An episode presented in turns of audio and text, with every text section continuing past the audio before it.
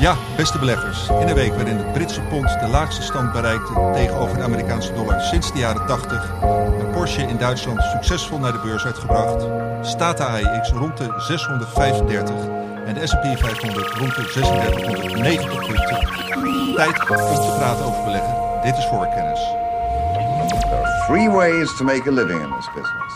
Be first, be smarter, or cheat. No, I don't cheat. Beleggersbelangen presenteert voor kennis.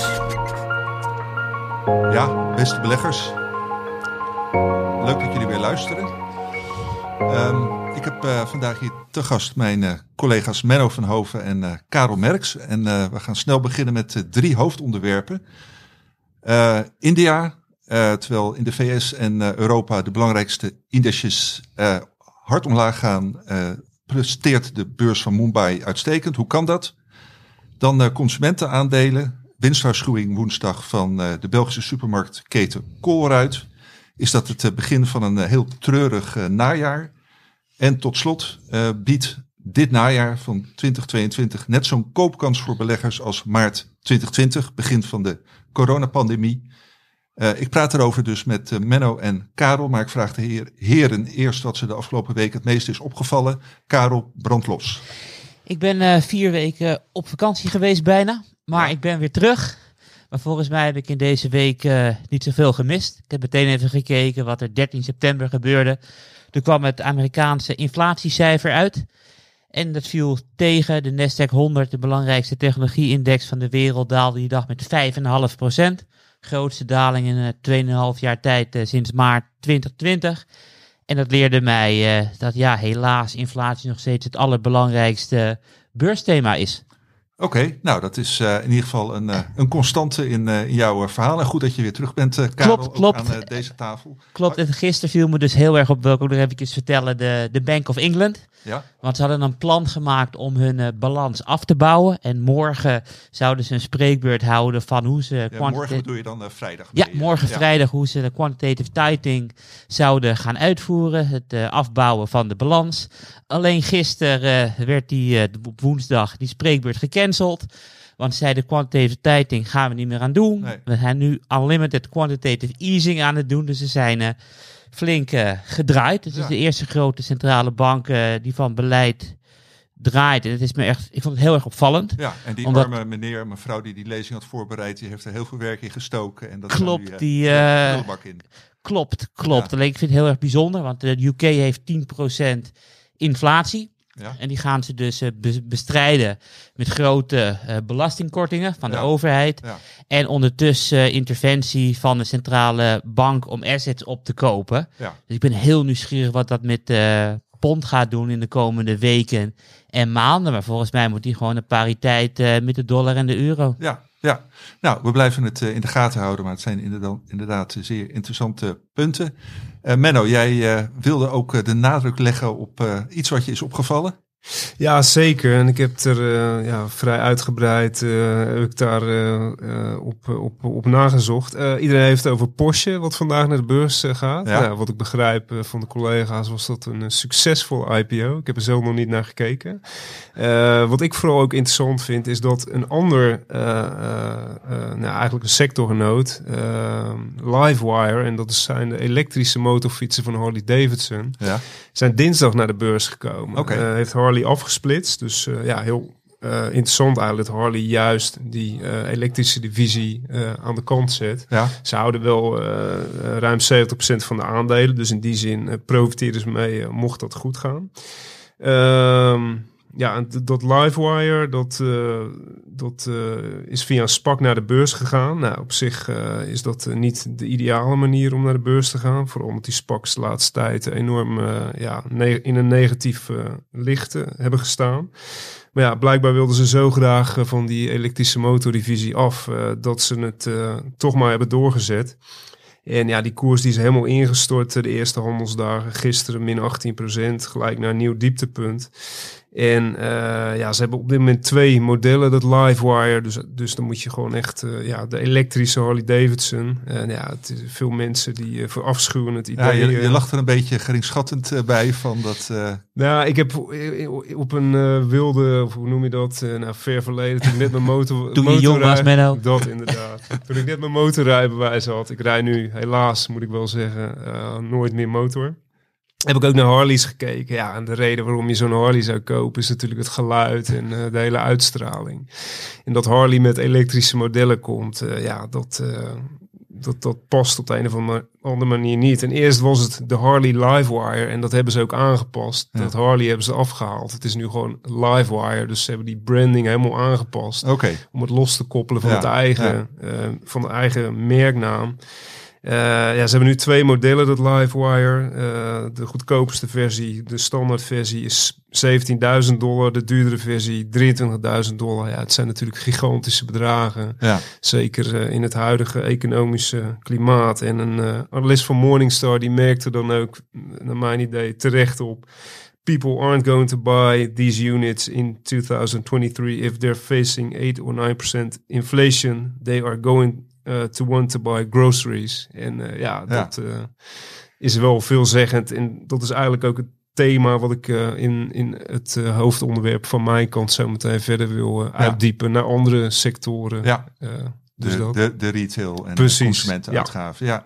En eh, ben je er zover ingedoken, Menno, dat je een, eh, een koopadvies of juist een verkoopadvies kan geven op een van eh, deze beide genoemde aandelen?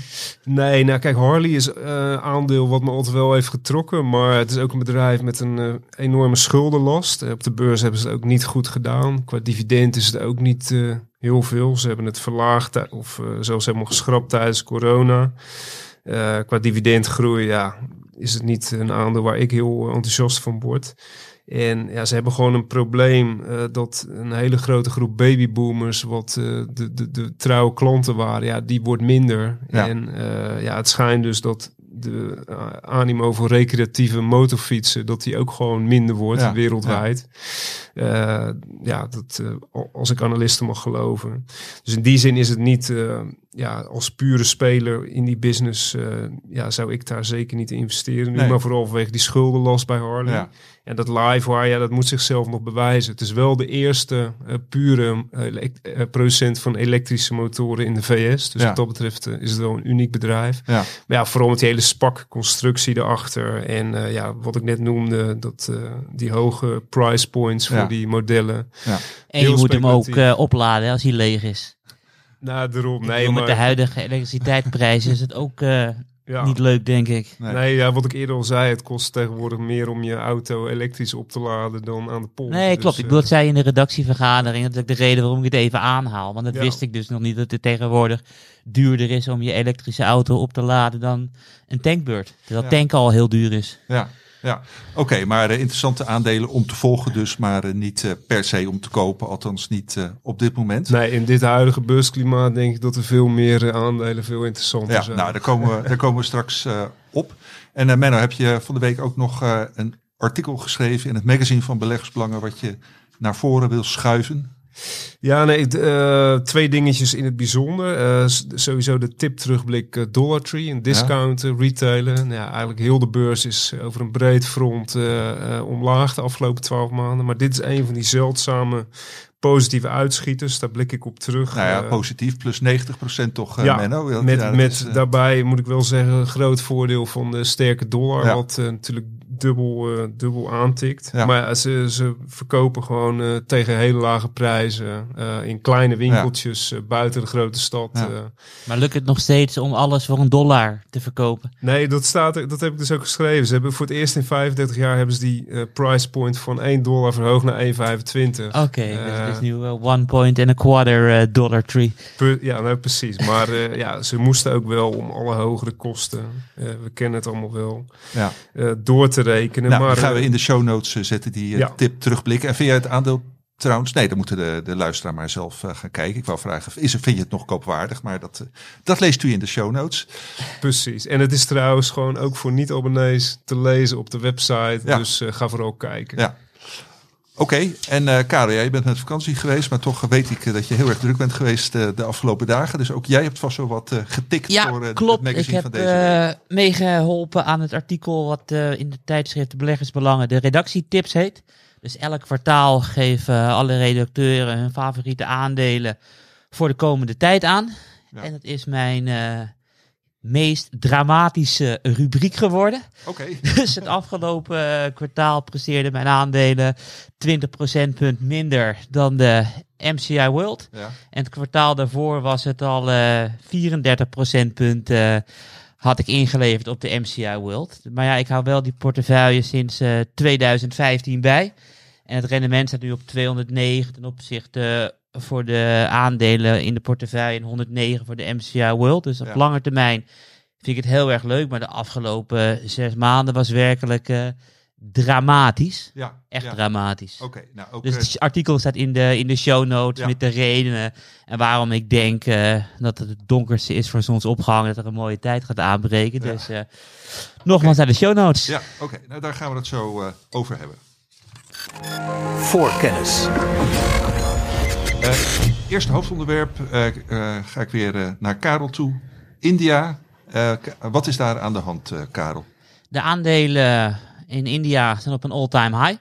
Ja? En dat is heel erg fijn, omdat wij sinds 2017 eh, een koopadvies hebben op aandelen uit India. En tegelijkertijd eh, andere koopadviezen, wat ik net al vertelde, wat minder goed eh, of Ja. gewoon slecht presteren.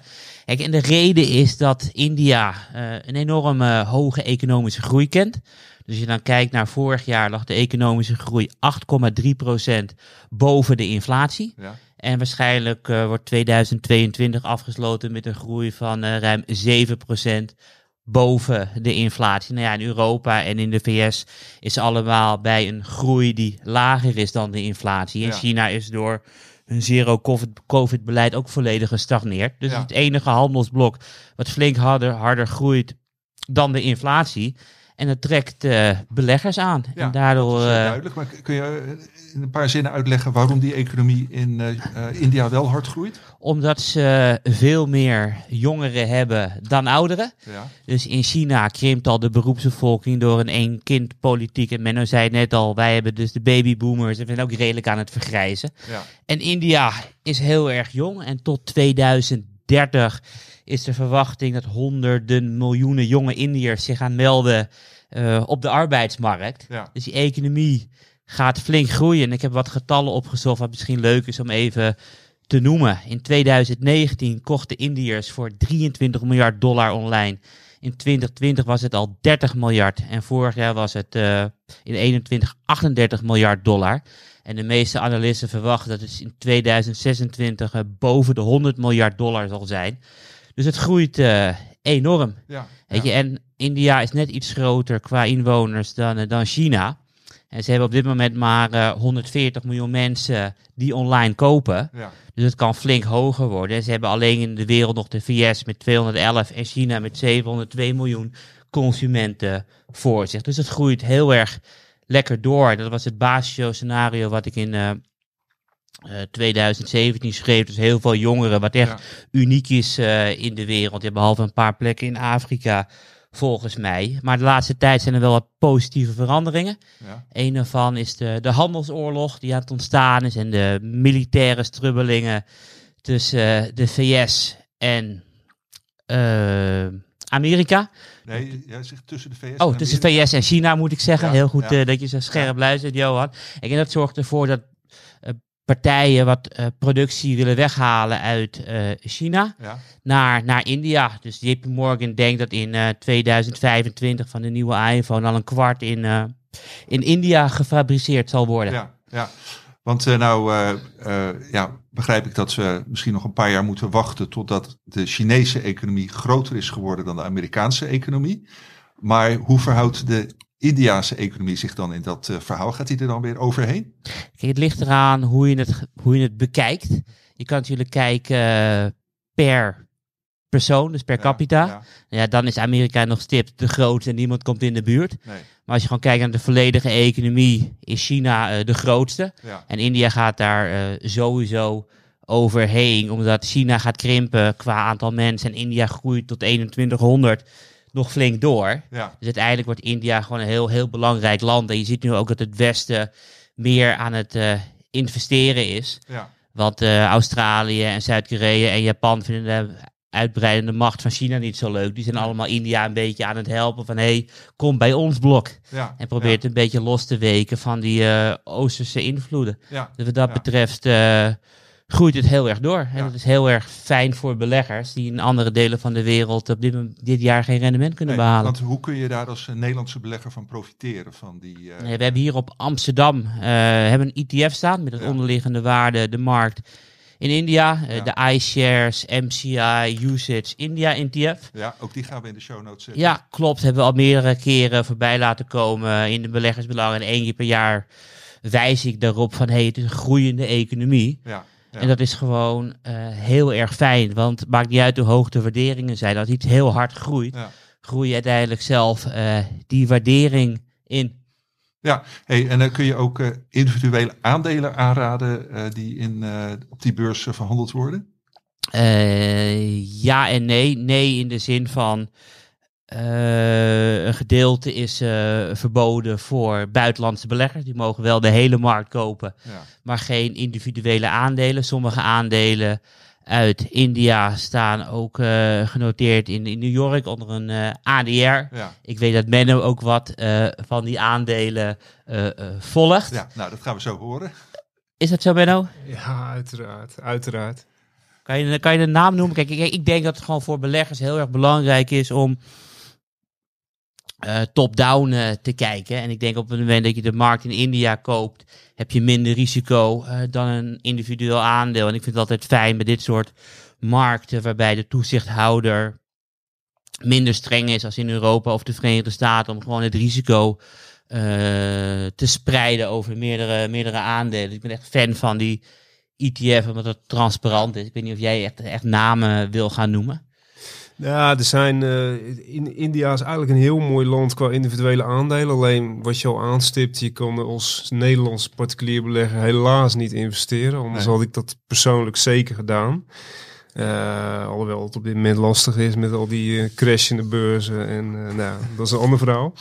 Maar eh, India, heel veel hele mooie dividendaandelen, heel veel mooie businesses, sterke dividendgroei. eh, en ja, ook een paar hele grote bedrijven inmiddels. Eh, nou, jij noemde al Unilever, wat eh 52-week highs zet. En volgens mij heeft het ook mee te maken dat ze groot aandeelhouder zijn in Hindustan Unilever. Ik heb het tijdens een andere podcast ook wel een keer genoemd, Ja, eh, een ja. tijdje geleden. En, en voor de luisteraars, we hebben het echt over een Unilever in het Verenigd Koninkrijk. Hè? Die tikt uh, highs aan. Ja, En niet, niet Unilever. nee, nee, precies. Heb ik ook naar gekeken. Ja, Ja, oké. ja. maar dat weten de luisteraars niet. Maar ga verder. Dat, eh, nee, precies. En eh, ja, dat Hindustan Unilever heeft in dollars omgerekend nu een beurswaarde van 77 miljard. Hij is En- dat wel gewoon het dochterbedrijf van Unilever in India? Precies, Ja. precies, ja. ja. En eh, Unilever zelf, de PLC in Londen, is 111 miljard waard. Ja. Eh, dus ja, dat is gigantisch. En het bedrijf groeit gewoon heel mooi. Maar ik moet wel zeggen, als ik dan bijvoorbeeld naar waardering kijk nu, dan zie ik bijvoorbeeld voor het Hindustan Unilever, KB van 70. Eh tuurlijk, ze groeien hard, maar eh, met 1,3% dividend. Ik denk wel dat die waardering echt, echt, Ja, echt heel hoog. Want ik, wil, ik heb ook gekeken naar eh, de MCI India, dus de onderliggende waarde van die ETF. En ik heb data kunnen vinden vanaf eh, 2003. En de gemiddelde koers-winstverhoudingen van de MCI India is 30. Ja. Wat echt heel hoog is, maar het is wel het gemiddelde over de afgelopen 20 jaar. Kijk, en iedereen ziet dat de wereld gaat krimpen, behalve India. En hoe hard die consumentenbestedingen daar wel niet groeien. En hoeveel procent economische groei boven de inflatie wel niet is. Je betaalt eh, voor dat verhaal. En de huidige KW is, eh, is 32. Dus het is eh, heel erg duur, maar wel zo duur als gemiddeld in de afgelopen 20 jaar. Ja. Dus ik, bedoel, ik denk dat het nog wel zal blijven. Kijk, en jij bent ook iemand van de rekensommetjes natuurlijk. Ik bedoel, op het moment eh, dat de winst eh, verdubbelt over een, eh, zeg een periode van een jaar of tien, dan is die KW alweer 16. Dus die daalt heel Nee, erg snel. Zeker, En, in je- Europa groeit het, Ja. groeit het helemaal niet zo hard. Als je verder vooruit kijkt, inderdaad, eh, prima. zegt- Maar in het huidige klimaat zou ik sowieso met alles met eh bovengemiddelde waardering, ongeacht hoe goed die vooruitzichten ook zijn, Ja, zou ik voorzichtig zijn. En kun je nog een paar aandelen noemen die eh, wellicht interessant kunnen zijn, die dan als eh, EDR wel verkrijgbaar zijn? Ja, de, de meest bekende en volgens mij een van de allergrootste beursgenoteerde bedrijven is Infosys. Dat is eh ja, Ja. IT-services eh, bedrijf. Die, dus volgens mij is er ook een ADR van. Ja? Eh, en die doen qua dividend doen ze het ook heel goed. Eh, dus dat is wel een van de meest bekende. Ja, en Ja. verder heb je heel veel hele grote. eh, volgens mij ook met heel eh, met van die aandeelhouders, eh, van, die, eh, van die rijke Indiërs eh, Ja. aan het roer, van die Ja. familiebedrijven. Ja. Eh, ja, het is alleen jammer dat je daar niet eh, individueel in kunt beleggen. Want je hebt echt van alles wat. Je hebt ook verfbedrijven. Je hebt eh, de online eh, snelle groeiers. eh, ja, ze zijn van alle markten thuis. Ja. Veel gericht op, de, op, de, op het binnenland natuurlijk. Ja, Op de eigen ja, markt. ja. Maar eh, ja, dat is juist... maar met eh, 1,4 miljard mensen is echt Daarom. enorm groot. Ik bedoel, wij in Ja. Europa zitten op 500 miljoen. Ja. Amerika ruim 300. Dus Ja. gewoon bijna twee keer Europa, VS. ja. Echt enorm binnenland. eh. En eh, ja, ga, gaat het ook niet, eh, niet, niet veranderen dat eh, ja, binnen een paar jaar het voor Nederlands particulieren wel eh, eh, mogelijk gaat zijn om daar direct in India te beleggen? Ja, ik zou niet weten. Eh, volgens mij hangt het echt gewoon helemaal af van hoe die overheid daarin staat. Qua eh, bijvoorbeeld professionele beleggers. Die kunnen voor ook, ik weet niet helemaal zeker, maar beperkt via vergunningen. ja. Kunnen ze of via een indirect. En dat Ja. geldt eigenlijk ook voor die bedrijven. Die moeten volgens mij ook daar hun eigen dochterdivisie eh, oprichten. Ja. Dus eh, ja, dus het, is, het is een lastige markt voor eh, zowel Ja. bedrijven als consumenten om voet aan de grond te krijgen. Ja. Maar gelukkig hebben we de ETF en Ja. kun je de hele markt volgen zo- als je dat wil. Zo is het. En ik vind het wel heel erg leuk dat wij een keertje, dat ik iets eh, aandraag en enthousiast ben. En dat jij wijst op de risico en het niet zou doen in het huidige beursklimaat. Ja, Ik goed, ik, ken jou nu eh, ruim 15 jaar. En het gebeurt Ja, niet vaak ja. eh, dat ik enthousiast ben en jij zegt, wees voorzichtig. Alles is anders eh, in eh, 2022. Laten we daar eh, Ja. op houden. We gaan naar het eh, volgende onderwerp. Voorkennis. Ja, want dat, eh, daar blijven we wat, eh, wat dichter bij, huid, bij huis. Kijken we in eerste instantie naar ons eh, zuidenburen. Waar eh, ja, de belegger eh, woensdag werd opgeschrikt door een winstwaarschuwing bij, eh bij.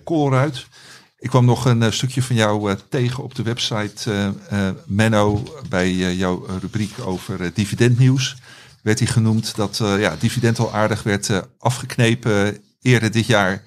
Toch omdat eh, de marges onder druk staan. En eh, nou, kennelijk hebben ze het niet, eh, niet kunnen houden. Nu een winstwaarschuwing. Wat kun jij er verder over zeggen? Ja, nou, ik wil het onderwerp wat breder trekken. Maar inderdaad, Colruyt is een van de dingen die vandaag is een extreme dag. gisteren ook al. En nou, dan moet Nike, Nike naar beurs nog komen met cijfers. Ja, ja. Ja, het kan bijna niet anders dat het gewoon heel slecht gaat worden als ik alles Maar zie. ik bedoel, wat er Nike is volgens mij van 200 naar 90 gegaan, toch? Nee, daarom. Dus Dus gewoon gehalveerd dit jaar. Absoluut. Voor mij is het ook way too much. Maar ja, het blijft gewoon maar verder inklappen. Vandaag ook weer. Maar goed, Colruyt, eh Belgische sectorgenoot van Ahold natuurlijk. Zijn wel eh, voor ruim 90% van de omzet eh, zijn ze afhankelijk van België. De rest komt uit Frankrijk. Ja. Eh, supermarkten, maar ook andere retailketens. Ze doen volgens mij iets met babywinkels ook. En met, eh, met fiets, fietswinkels. Ja. Dat soort, eh, dus het is best wel breed gespreid. Eh, die kwamen met de derde winstwaarschuwing in 12 maanden tijd. Ah. Ongekend. Aandeel eh, tikte de laagste koers in meer dan 16 jaar eh, aan. Vandaag min 22 procent. Gigantisch. En eh, ja, het bekende verhaal. Kosten van energie, transport, personeel. Harder omhoog dan verwacht. Ja. Winst, marges onder druk. En ja, wat Johan, wat jij al aanhaalde, dividend is dit jaar verlaagd van 1,47 naar 1,10. Zeg voor het eerst in decennia dat het dividend is eh, verlaagd. Het was een eh, aristocrat. Jeetje. Ja, is echt, eh, echt heel bizar. En toevallig morgen noteren ze ex-dividend. Dus eh, Ja. ja. je kunt die 1,10 pakken. Maar ja, de koers daalt vandaag eh 22 Ja, ja. Dus wat, wat is dat dividendje van nu 5% waard, zou je zeggen. Ja. Maar ja, ongekend. En niet alleen Colruyt vandaag. binnen de sector... Toevallig, nou, ik kijk hier eerst op mijn scherm. Ik zie CarMax, CarMax in de US doen in eh, tweedehands auto's. Klapt eventjes 22% eh in elkaar. eh, omdat eh, ja, de, tijdens corona boomingmarkt voor eh tweedehands auto's helemaal instort. Mensen doen geen grote uitgaven meer door inflatie. Ja, ho even, ik hoorde juist de laatste tijd nog dat het heel erg lastig is om aan een tweedehands auto te komen. Is dat dan... Ja, blijkbaar begint die markt te kenteren. ja, want ja. Ja. dit, eh, en het komt dus bij beleggers ook als een verrassing. Anders eh klapt er geen 22% van die koers af. Nee. Maar ja, overal wordt gewoon eh, op dit moment eh, eh, ja, door consumenten de portemonnee dichtgehouden. Ja. Eh, ook vandaag H&M, eh, we kennen het allemaal wel, de Ja. op één na grootste eh, fashion retailer wereldwijd. Ja, eigenlijk hetzelfde wat ik bij eh, hiervoor noemde. Het hele inflatieverhaal, consumenten die eh, minder uitgeven. En eh, H&M ja, daalt dit jaar 43%, vandaag gaat er 9% af. Maar ja, het kan nog veel erger. Je hebt bijvoorbeeld een Zalando, volledig online, gaat 72% af dit jaar. Fashionet, twee, of 82%. Ja. En helaas ook een van mijn redactietips, volledig online actief, RVSC, gaat gewoon 80% af dit jaar. Ja. Eh, dus ja, dan valt het nog mee. Al kijk je naar bijvoorbeeld een, Nike of een Adidas. Ja. Eh, en ook een VF-corp, wat in de dividendportefeuille zit. Het bizarre is, juist tijdens corona lag de nadruk op... we moeten meer online, hoe, hoe meer online, hoe beter. Ja, Daar zit ja. de groei. We Ja. moeten zoveel mogelijk online, direct to consumer. Ja. Ja, en dat is juist een eh, hoek waar je nu niet moet zitten, zo blijkt. Nee. Ja, Mensen willen weer gewoon gezellig fysiek naar de winkel. Of ze willen helemaal niet naar de winkel. Precies dat. Nee. Als ze het al doen, inderdaad, dan geven ze Ja. het gewoon in de winkel uit. Maar ja, eh, over het algemeen wordt gewoon echt veel minder eh, gespendeerd, sectorbreed. En eh, ja, de, de, de een na de andere winstwaarschuwing Ja. zie je nu binnenkomen. Maar goed, ik, van afgelopen jaar kan ik me bijvoorbeeld ook één of twee winstwaarschuwingen van Walmart eh, herinneren. En eh, nou, ook andere Amerikaanse retailers die al, al eerder... Target bijvoorbeeld. Ja. Ja. Dus bedoel, het is niet een geheel nieuw verhaal, maar het gaat nu wel hard. Dat wil je eigenlijk Ja, ja, nee, mij. precies. Het gaat hard. Maar wat ik ook wel wil zeggen, ja, wat mij vooral opvalt. Kijk, de omzet-winstverwachtingen worden neerwaarts bijgesteld. Nou, Ja. dat is, daarmee stellen ze teleur, worden ze voor afgestraft. Maar op een gegeven moment, ja, die koersen van sommige aandelen, die zijn wel dusdanig ver weggezakt. Ja. Kijk bijvoorbeeld naar VF Corp. Ging gisteren 6% af, vandaag weer 5%. Eh ja, laagste koers in vele jaren. Ja. We hebben het wel over een dividend aristocrat die gewoon elk jaar keurig zijn omzet eh, verder ziet groeien. Ja. Zijn winst eh, verder ziet groeien. Alleen ja, dit is gewoon een hele lastige periode. Ja. En het is niet zo dat die winst en omzet ineens 20% in elkaar klappen. Nee. Dat wordt gewoon echt minimaal, naar mijn idee, aangepast. Bijvoorbeeld VF Corp ziet nu voor 2023 een eh, omzet bij constante valuta, omzetgroei van 5 tot 6 procent. Ja.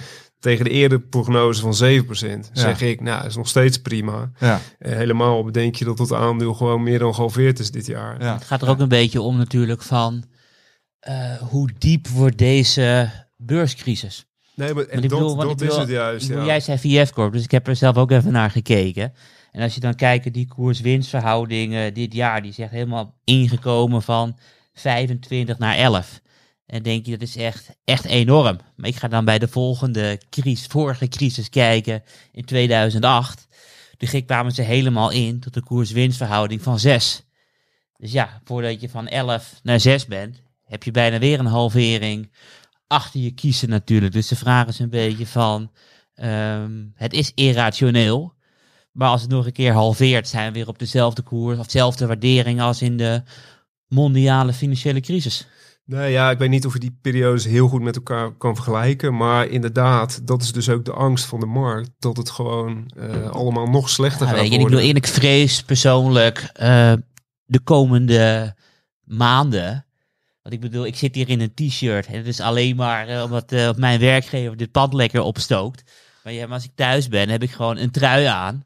En is het fris. En ik heb geen flauw idee wat de elektriciteitsrekening in oktober, november en december zal zijn.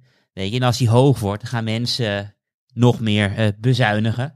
Eh, en bezuinigingen leiden natuurlijk tot minder omzet, et cetera. En de inflatie dendert lekker door, waardoor die marge van die bedrijven ook eh, een, Ja. een Nee, dauw nee. krijgen natuurlijk. Absoluut, maar Ja. het is juist zaak om dan verder te kijken. Kijk, het is niet eh, realistisch dat dit eh, nog vijf jaar zo doorgaat. Op een gegeven moment, eh, ja, eh, heb je een nieuwe. Nee, klopt. Maar op het moment dat kijk, als beleggers dat realiseren, dat is totaal niet erg. Maar het is meer gewoon van, van je kan niet zeggen Ja. dat we nu net zo eh, zwaar hebben op de beurs als in 2008. Want dan moet alles nog een keertje halveren vanaf het huidige niveau. En dan heb je dat soort koopjes als in 2008. En ik ben het met jou eens dat we over vijf jaar hoger staan eh, dan vandaag. En als je dan instapt bij VF moet je wel rekening houden van ik wil die termijn hebben. Ja. En niet bang zijn op het moment dat het nog tientallen Nee. procenten Maar- afgaat de komende maar, winter. eh, ja, geloven jullie van, bedoel, ik neem aan dat de Menno VF Corp nog steeds een koop vindt. Althans, zit in de dividendportefeuille. En eh, toch, eh, Menno, jij zou hem toch op dit niveau, eh, als je cash aan de... Ja, nee, zeker. ja. zeker. Dit, maar, maar, of geloof, je- geloven jullie erin dat je de markt kan timen en dat, dat je kan zeggen van, nou weet je, ik kijk het nog een paar maanden of een half jaar aan. En als er dan nog lager staat, dan koop ik. Nee, nou dat is juist het hele idee. Dat niemand kan dat. Nee. En kijk, wat er nu gebeurt, had ook niemand zien aankomen natuurlijk. Dus ja, de basis bij mij komt altijd weer terug op, eh, op het dividend. Ja, Eh, dat kun je wel goed voorspellen. En bij dit soort bedrijven, en zeker als het eh, onderliggend financieel, als daar geen gekke dingen aan de hand zijn, ja, dan hoef je denk ik niet zo zorgen te maken nu. Maar kun je dan nog, nog één of twee bedrijven uit, je, uit de dividendportefeuille noemen waarvan je zegt, ja, die zijn echt heel erg afgekomen en daar maak ik me eigenlijk totaal geen zorgen om. Die zou ik nu gewoon tegen die lagere prijs kopen. Ja, eigenlijk, en dat klinkt heel, eh, heel extreem, maar ik vind zou alles kopen. alles Ja. vind ik gewoon nu wel koopwaardig. Misschien eentje die gewoon echt heel goed is blijven liggen. Wolters Kluwer. Voor lange termijn blijft een fantastisch aandeel. Ja. Ja, dat is gewoon zo'n beetje de, de uitblinker Ja, qua overeind blijven. Ja. daar zou ik dan nu juist niet kijken. En dan zou ik juist gaan zoeken, gaan vissen in die vijver. Ja, Waar het enorm hard is gedaald. En dat is vooral eh, sector industrials, eh, Ja. halfgeleiders, eh, consumer discretionary, wat we net bespraken. Ja, ja. Dat zijn de meer cyclische fondsen die juist nu keihard in elkaar gestampt worden. ja. Hey, en daarover gesproken, want de Aalde Hersen zit ook in de dividendportefeuille. Hebben we een koopadvies eh, op? Ben je ook nog steeds eh, enthousiast eh, over? Of gaan die ook met een winstwaarschuwing komen? Ja, oh, dat valt niks uit te sluiten sowieso. Nee. Maar het voordeel van Ahold, zeker vergeleken met een Colruyt, is die zijn sterk aanwezig in de Verenigde Staten. Ja, twee derde van de omzet, dacht ik. hè? Of, Nou kijk ja, hier. ja. En, en dan profiteer je juist van die, van die sterke dollar. Dus dat Ja. is totaal, ja, die, die, die, die staan in die, dat opzicht een stuk beter voor. Ja.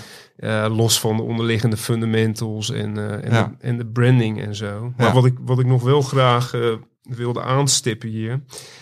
ik heb gekeken naar de sector consumer discretionary. Dit jaar de Ja. slechtste binnen de S&P 500. Ja. Nou, dat is echt een hele brede sector. Er zitten hotels onder. Bijvoorbeeld die tweedehands car dealerships zitten daaronder. En ook bijvoorbeeld een Nike en Ja. eh, dat soort bedrijven. Dit jaar de slechtste performer. Maar al ga je dan kijken op vijfjaarstermijn, dan is het na tech gewoon het best presterende, de best presterende sector, ondanks dit slechte jaar. Ja. En eh, ja, ik ben natuurlijk van de dividendstatistieken. En eh, qua dividendgroei ehm, en track records is dit gewoon een van de mooiste sectoren. Ja.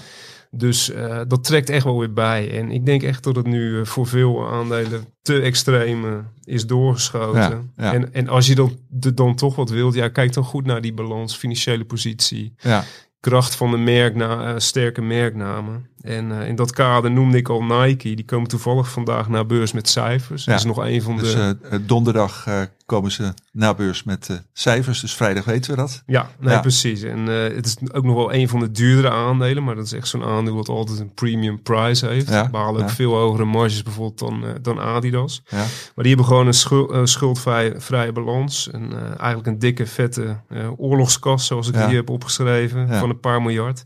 Dividend gaat elk jaar met 10% omhoog. Ja. En die zit ook in een lastig pakket. 60% van de omzet wordt buiten de VS eh, gerealiseerd. Zit je ook nog eens met dat valuta-effect. Ja. Eh, eh, 15% uit China. Nou. Dat is ook eh, een probleemmarkt op dit moment.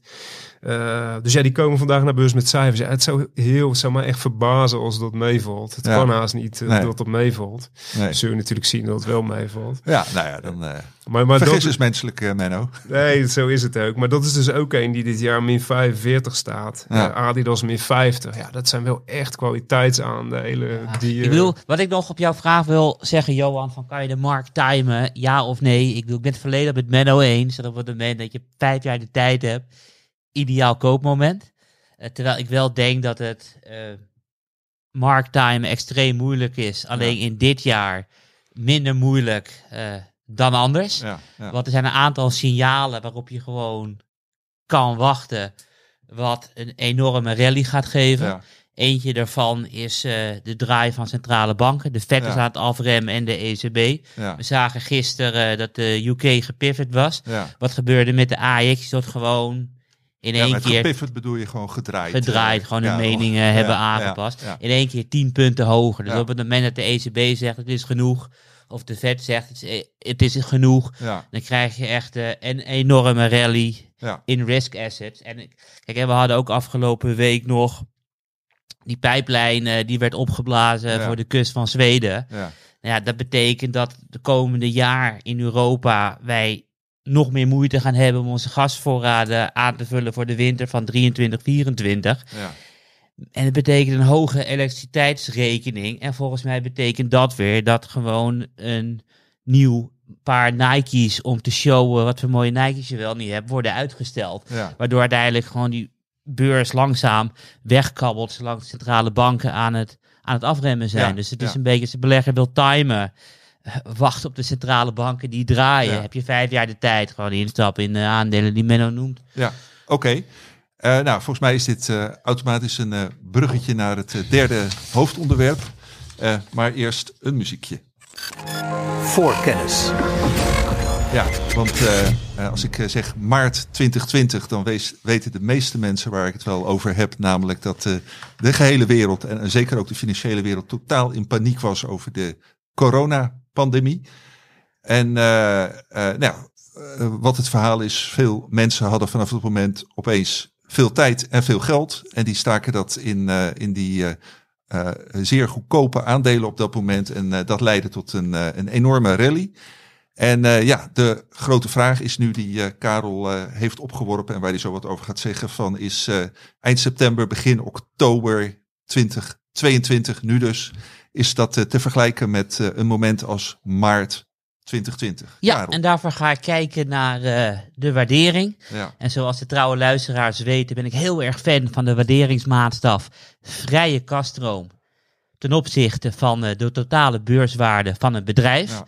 En een vrije kaststroom is nog puurder dan winst. Want op het moment dat een bedrijf gaat eh, investeren in bijvoorbeeld eh, computers, ja, dan worden die computers in een paar jaar afgeschreven. Dus dan daalt de winst in een paar jaar tijd ten op met de, de waarde van die afschrijvingen. En pure kaststroom is niks anders dan wat er in een jaar overblijft. ja. Dus Ja, wat er in een jaar binnenkomt, eh, bedoel ja, je? overblijft. Overblijft Ja, bedoel ja, ik. Dus op ja. het moment dat je gewoon je belasting betaald hebt, Ja. je hebt je rente betaald, je hebt je alles heb je gedaan, wat heb je nog eh, in het handje. Ja, En dan kan je heel duidelijk kijken van als alle kosten gedaan is, wat blijft er over? ja, En dat wil ik doen eh, ten op met een voorbeeldje van eh Ahold eh, Delhaize. ja, Maar die werd in maart eh, 2020, zoals de hele Nederlandse, nou ja, maak er maar wereldwijde beurzen van keihard afgestraft. ja, En als je dan kijkt eh, naar Ahold en dat ze hun belasting hadden betaald en hun rente hadden betaald en hun investeringen, et cetera, dan bleek dat er nog 19% van de totale beurswaarde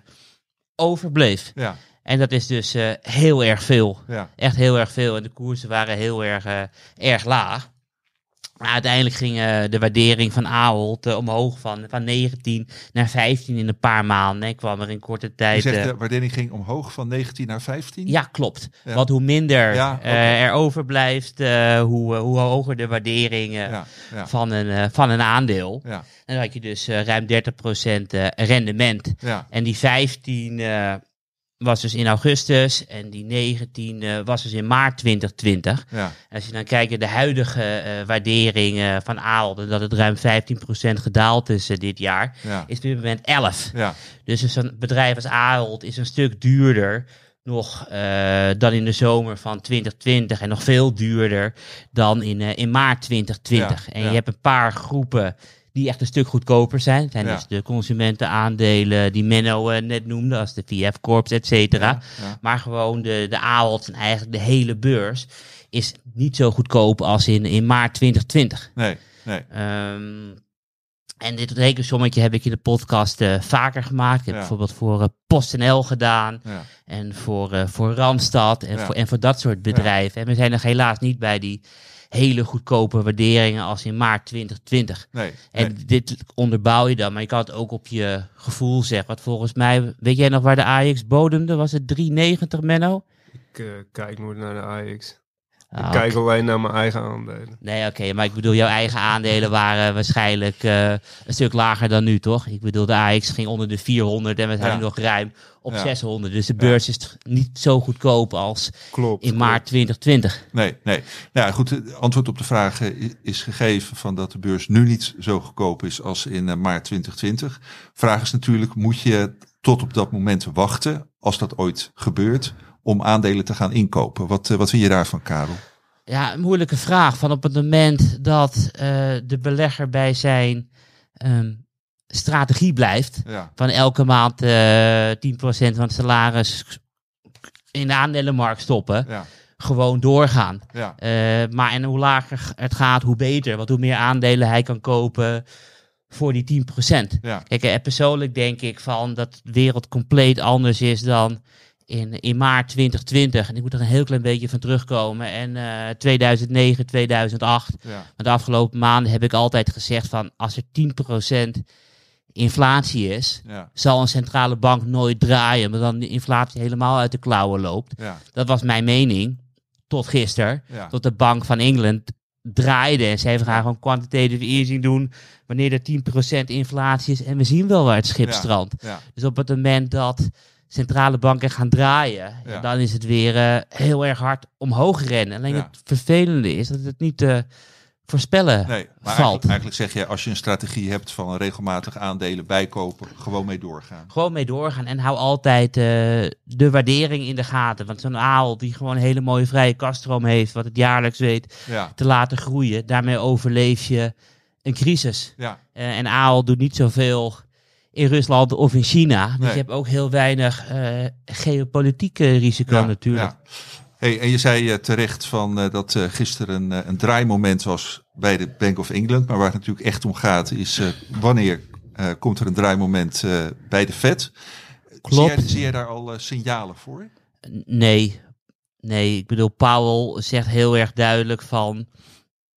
Inflatie gaan wij eh, eronder krijgen. En ik heb al een half jaar geleden een keer een quote in de podcast aangehaald van Munger, wat ik weer ga doen. Het enige wat eh, gevaarlijk is, eerst een inflatie, is, eh, is een kernoorlog. Want inflatie heeft er altijd voor gezorgd dat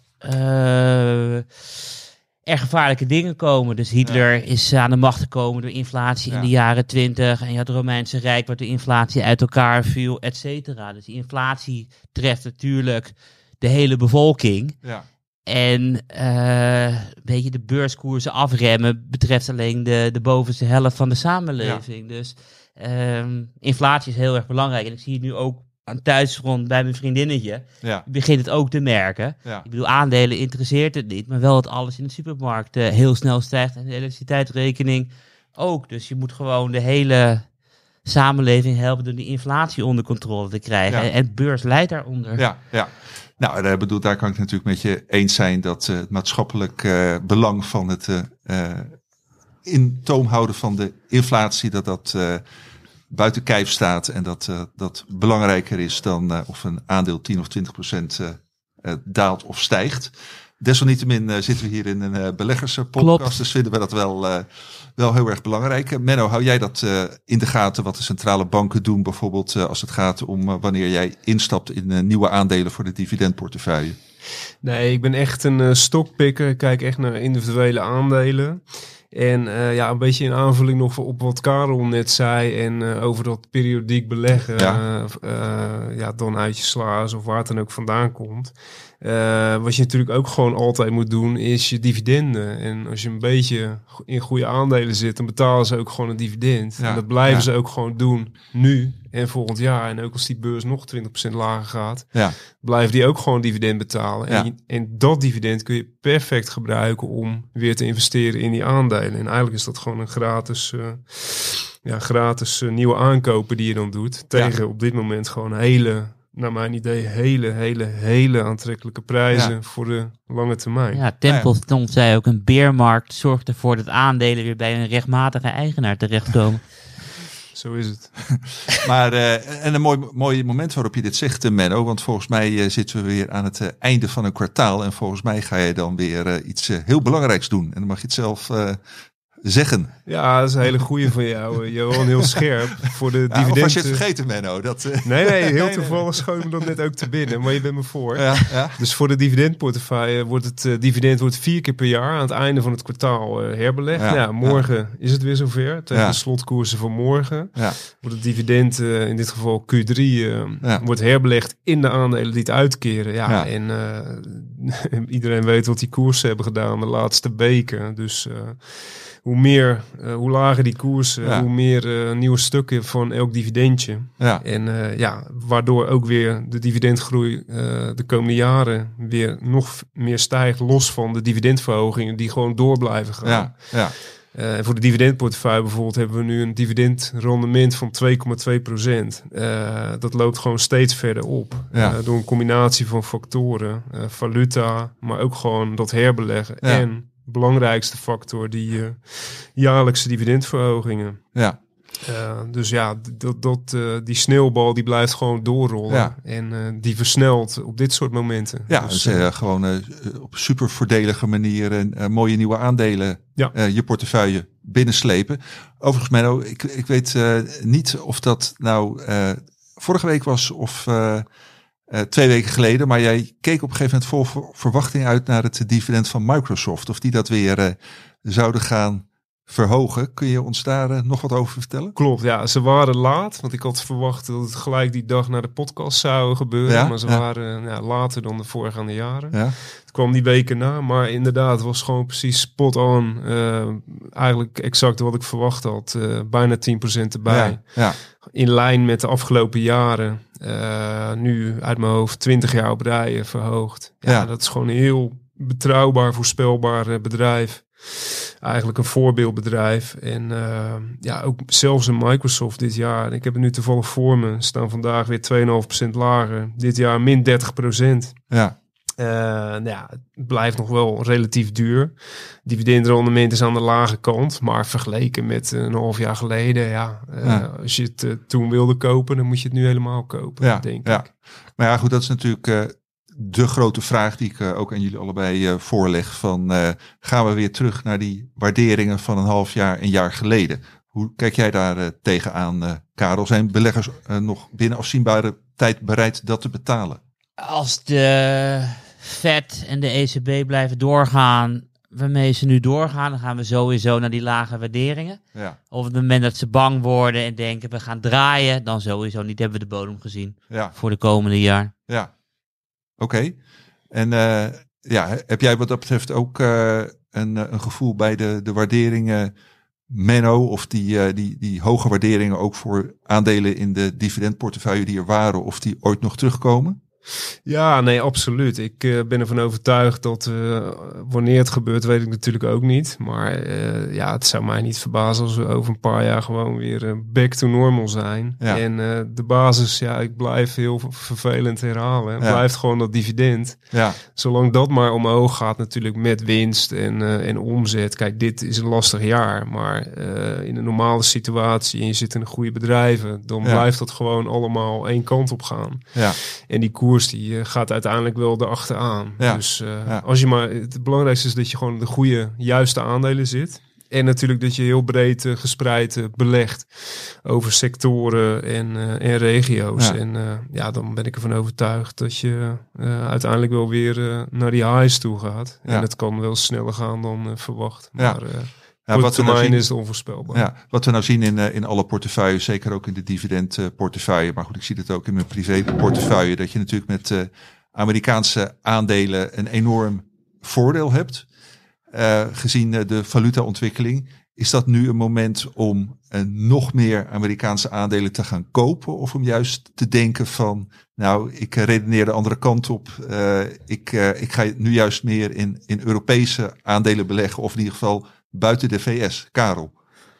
Ik zou heel erg oppassen. Want deze situatie lijkt wel heel erg op eh 85, 86. Toen hadden we ook heel veel jaren gehad dat de dollar alleen maar omhoog ging. Ja, En toen hadden we, ik weet niet of het 85 of 86 was, de zogenaamde Plaza-akkoorden. ja, Een hotel in, eh, in New York waarbij de wereld heeft afgesproken. We gaan in coördinatie de dollar eh, scherp naar beneden brengen. ja, En dat gebeurde ook, eh, en de dollar daalde ook heel erg snel. ja. Ja. Je ziet nu overal eh, dat de dollar eh, voor problemen gaat zorgen. Want die staat gewoon 20% hoger ten opzichte van de yuan, de yen, ja, Australische dollar, de pond en de euro en de Zwitserse frank. ja, ja. En aangezien eh, Amerika 20% uitmaakt van de wereldeconomie en 87% van de wereld gebruikt dollars voor handel, omdat de wereldhandel in dollars gaat. Ja. Nou, je moet ook bepaalde verzekeringen afsluiten en alles gaat door het dak heen, omdat die dollar door het dak heen gaat. Dus het remt de economische groei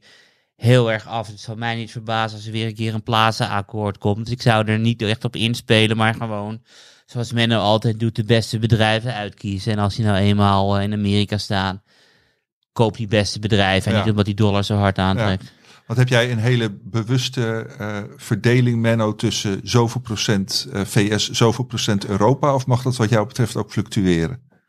Nee, ja, het hangt eh, deels af van hoe die bedrijven het doen. Maar eh, uiteindelijk zoek ik gewoon de beste aandelen. En daar sta- daarvan staan er meer genoteerd in de VS. Ja, Dus heb ik daar een eh, zwaardere weging. Maar om terug te komen op jouw vraag van net. Als ik nu gewoon naar de markt kijk, dan zie ik wel, ja, voor mijn idee, de, de meeste koopjes. Overdreven hard gestrafte aandelen in Europa. ja, VS eh, is altijd al eh, een stukje hoger qua waarderingen. ja, Eh, ook veel mooie aandelen hard afgekomen. Maar ja, al zou ik nu moeten kiezen, dan zou ik toch eh, liefst gaan shoppen in Europa. ja. En kun je dan twee, drie aandelen uit je portefeuille noemen die we kunnen weggeven, zeg maar, wat volgens jou nu eh, koopjes eh, zijn? Ja, nou, als ik, ik, ik kan kijken, nou, ik kan kijken naar puur de allergrootste dalers, maar die komen eigenlijk elke podcast voorbij. Eh, We hebben net VF behandeld, Ja. eh, SEB is Ja, vaak voorbij ja. gekomen. Ik denk dat het echt gigantische koopjes zijn met Ja. een koers die halveert eh, dit jaar. Ja, Maar ja, het zijn ook juist weer die consumentenaandelen met heel veel Ja. onzekerheid. Dus Ja. eh, dat verhaal. Alsjeblieft één maand dat mensen een eh, oktober energierekening binnen hebben. Ja, maar dat is Nederland, hè? Dat Ja. is Nederland. ja. Nee, S- maar eh, SEB en kijk, VF Corp nee, zijn eh, maar echt het hardste naar beneden gegaan. Mooie Europese precies. Maar al wil je het wat, ja, misschien, ja, het is niet, niet de juiste benaming, maar eh, kwalitatief een wat andere hoek kijken. Nou, Ja. Bijvoorbeeld ook een DSM, Ja, min 43% dit jaar. Ja, Ja. dat is toch echt wel gewoon een topaandeel. ja nou, Eh, en daar hebben we deze week ook een eh, eh, koopadvies op. eh, eh, eh, dat hadden we al, maar dat is eh, bevestigd. Dus dat is eh, ook eh, inderdaad een mooi eh, voorbeeld. Maar goed, je mag ook een maand wachten, zoals eh, Karel zegt. Eh, Dankjewel. Wie zal, het, eh, wie zal het zeggen? Maand zal weinig uitmaken en ben je nou toch op het rendement van vijf jaar. Zeker. Dank Gewoon je. dividenden eh, investeren, dan koop Ja. je altijd. Joh. Ja. Voorkennis. Ja, voordat jullie eh, gaan vragen eh, om eh, even kort vooruit te blikken naar de komende week, heb ik nog wel een vraag. Want nou, ik zat gisteravond een beetje naar de BBC te kijken. En ik had het natuurlijk ook wel eerder kunnen waarnemen. Maar goed, ik vertel hoe het is. En toen had ik echt het idee van dat ze daar bang zijn. En ja, mogelijk terecht. Maar dat wil ik graag voor jullie eh, weten. Dat de hele financiële markten weer gaan instorten om alles wat er nu in Londen gebeurt met, eh, met de valuta, de obligaties, de hypotheken, et cetera. Ehm, Menno, heb jij daar een mening over? Ja, Menno beetje lacht. vragen, Nee. vragen naar de bekende weg. Ja, dat is vragen naar de bekende weg, dus dan eh, ga ik dat niet, niet doen. Vraag maar aan Karel. Ja. Eh eh Karel, want jij bent wel eh, ja, de, Ik- chef, de chef rampen en dat soort eh, Klopt. dingen. Ik denk dat we er niet eh, bang voor hoeven te zijn. Want gisteren was ook het bewijs van op het moment dat het misdreigt te gaan in het Verenigd Koninkrijk. Ja, Dan draait eh, de centrale bank en gaan ze gewoon ongelimiteerd assets kopen. Ja. En ik ben ervan overtuigd dat hier in Europa er binnenkort weer een probleem gaat ontstaan in Italië. Ja. Ze hebben de hoogste schuld sinds eh, de Eerste Wereldoorlog. Eh, de rente stijgt, de ECB is aan het verkrappen, dus dat dreigt mis te gaan. Maar ja, Italië is veel te groot, dus zal de ECB zal ook weer beginnen met het opkopen Ja. van assets. En hetzelfde geldt eh, voor de Fed, wat niemand wil, een eh, depressie zoals de jaren 30. Dus op het Nee, moment dat nee. het een beetje naar beneden gaat, is het allemaal prima, stort echt alles in. Zoals het Verenigd Koninkrijk, dus de rente hard omhoog en de Ja. pond hard naar beneden. Dan grijpt de centrale bank eh, keihard in. En het is niet het moment om bang te worden. Nee. Dat is het moment om te kopen. En je had het dus over van gisteravond, nadat de centrale bank had Ja, ingegrepen, was er angst. Maar ja, het was wel het koopmoment eh, voor de pond al geweest. Ja. Weet je, wat ik vaak aanhoud is van, eh, we hebben de lockdowns eh, in Nederland, dat we de grenzen dichtgooiden, dat we thuis moesten werken. Dat was eind maart 2020. Ja. Wanneer boden hem de, de AEX twee weken daarvoor, 16 maart 2020. Ja, Op het ja. moment dat we in paniek raken en centrale banken hebben al ingegrepen, is het beste koopmoment eh, is op dat moment. Dus ik denk eh, dat we geen crisis zullen krijgen. Centrale banken zullen ingrijpen met helaas als consequentie dat de inflatie eh, bij de volgende cyclus misschien wel weer hoger uitkomt dan deze. Omdat je gewoon de economie Ja. tot rust moet laten Ja. komen. En dat willen we niet. Ja, maar goed, ik vind het een geruststellend eh, antwoord en ik hoop van harte dat je gelijk hebt, eh, Karel. Eh, waar kijk jij voor de komende week eh, met name naar uit? Nou ja, zaterdag is het 1 oktober. Ja. Dus dan beginnen we met een eh, nieuw kwartaal. Ja, En ik kijk uiteraard naar alle kwartaalcijfers van de aandelen die beleggersbelangen volgt. ja, Heel in het bijzonder kijk ik naar bedrijven in de S&P eh, 500. ja, Want die hebben natuurlijk de afgelopen twee jaar hun marge extreem weten uit te breiden. Dus ze halen gemiddeld per elke dollar omzet eh 16 cent, houden ze aan netto winst over. En de reden waarom dat hoger dan ooit is, het was eh 13% eh, voor 2019, Ja, is dat bedrijven enorm veel geld hebben gekregen. En ook consumenten hebben die marge gewoon flink kon toenemen. ja, En die eh, is nu een beetje aan het dalen. Dus afgelopen kwartaal was het eh 15,3. ja, En ik denk gewoon dat we terug moeten naar, naar 13 procent. ja, En dat betekent gewoon een winstdaling van, van 20 procent. ja, Weet je, er mocht de economie nou ja, weer een recessie in gaan glijden. ja, Eh, nou ja, in 2008 was de marge 7,5. ja, Dus ja, dat is gewoon 50 procent minder, eh 50 procent vanaf het huidige niveau. ja. En dat betekent dan ook eh, ja, 50 procent daling van de winsten. Dus ik kijk met spanning uit hoe de marge zich gaat ontwikkelen de komende ja. tijd. En heb je dan speciale bedrijven waar je het meest voor vreest? Nee, nee, ik bedoel, je, het is over de hele, hele linie. Want we hadden eerst natuurlijk dat de inflatie toenam door problemen in de productieketen wereldwijd. Ja, En door eh, de grondstofprijzen die stijgen. ja, Maar als je nu kijkt naar Amerikaanse bedrijven die bezighouden met services, die verhogen ook de prijs met 6, 7 procent per jaar. ja, ja. Dus dit is door de hele, hele linie. Ja, ja, wordt een eh, spannend eh kwartaalcijfer. Ja, zeker. Is eigenlijk altijd wel. Klopt. Menno, spe- speciale dingen waar jij naar eh, vooruit kijkt? Nee, eigenlijk niet. Eh, ja, voor mij mag het wel allemaal wat rustiger worden op de beurs. Want eh, ja, ik vind dat een hele nerveuze gedoe. eh min 2%, weer in de plus. En eh, dag in, dag uit. Dat hoeft voor mij allemaal niet. Ik word er zelf soms ook een beetje nerveus van. Dus ik kijk uit naar eh, weer wat rustigere tijden op de beurs. En als iedereen nou gewoon, eh, net zoals mij, eh, lange termijn denkt. En niet in paniek nu al je mooie aandeeltjes verkoopt. Want heel veel mooie aandelen worden gewoon gedumpt dan, dan komt het allemaal wel goed. Maar zonder gekheid, ja, het zijn geen leuke tijden om te beleggen. We zitten allemaal in aandelen. Ja. Het voelt gewoon niet lekker. Dus laten we hopen dat deze tijd snel voorbij is. En op korte termijn ja, komt er waarschijnlijk nog veel meer eh, shit over ons heen.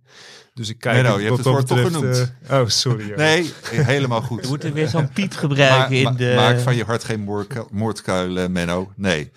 Eh, en eh, ik denk dat eh, heel veel lu- luisteraars het, eh, het met je eens zijn dat het allemaal wel wat rustiger mag. Maar goed, eh, ja, hoe het eh, aankomende week gaat worden, dat eh, bespreken we volgende week weer in uh, Voorkennis.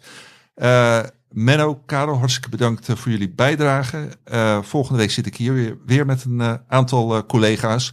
En nou ja, eh, herhaal de oproep. Mocht u vragen hebben van onderwerpen die u graag besproken zou willen zien hier aan tafel, mail ze naar voorkennis.beleggersbelangen.nl. Ik herhaal dat.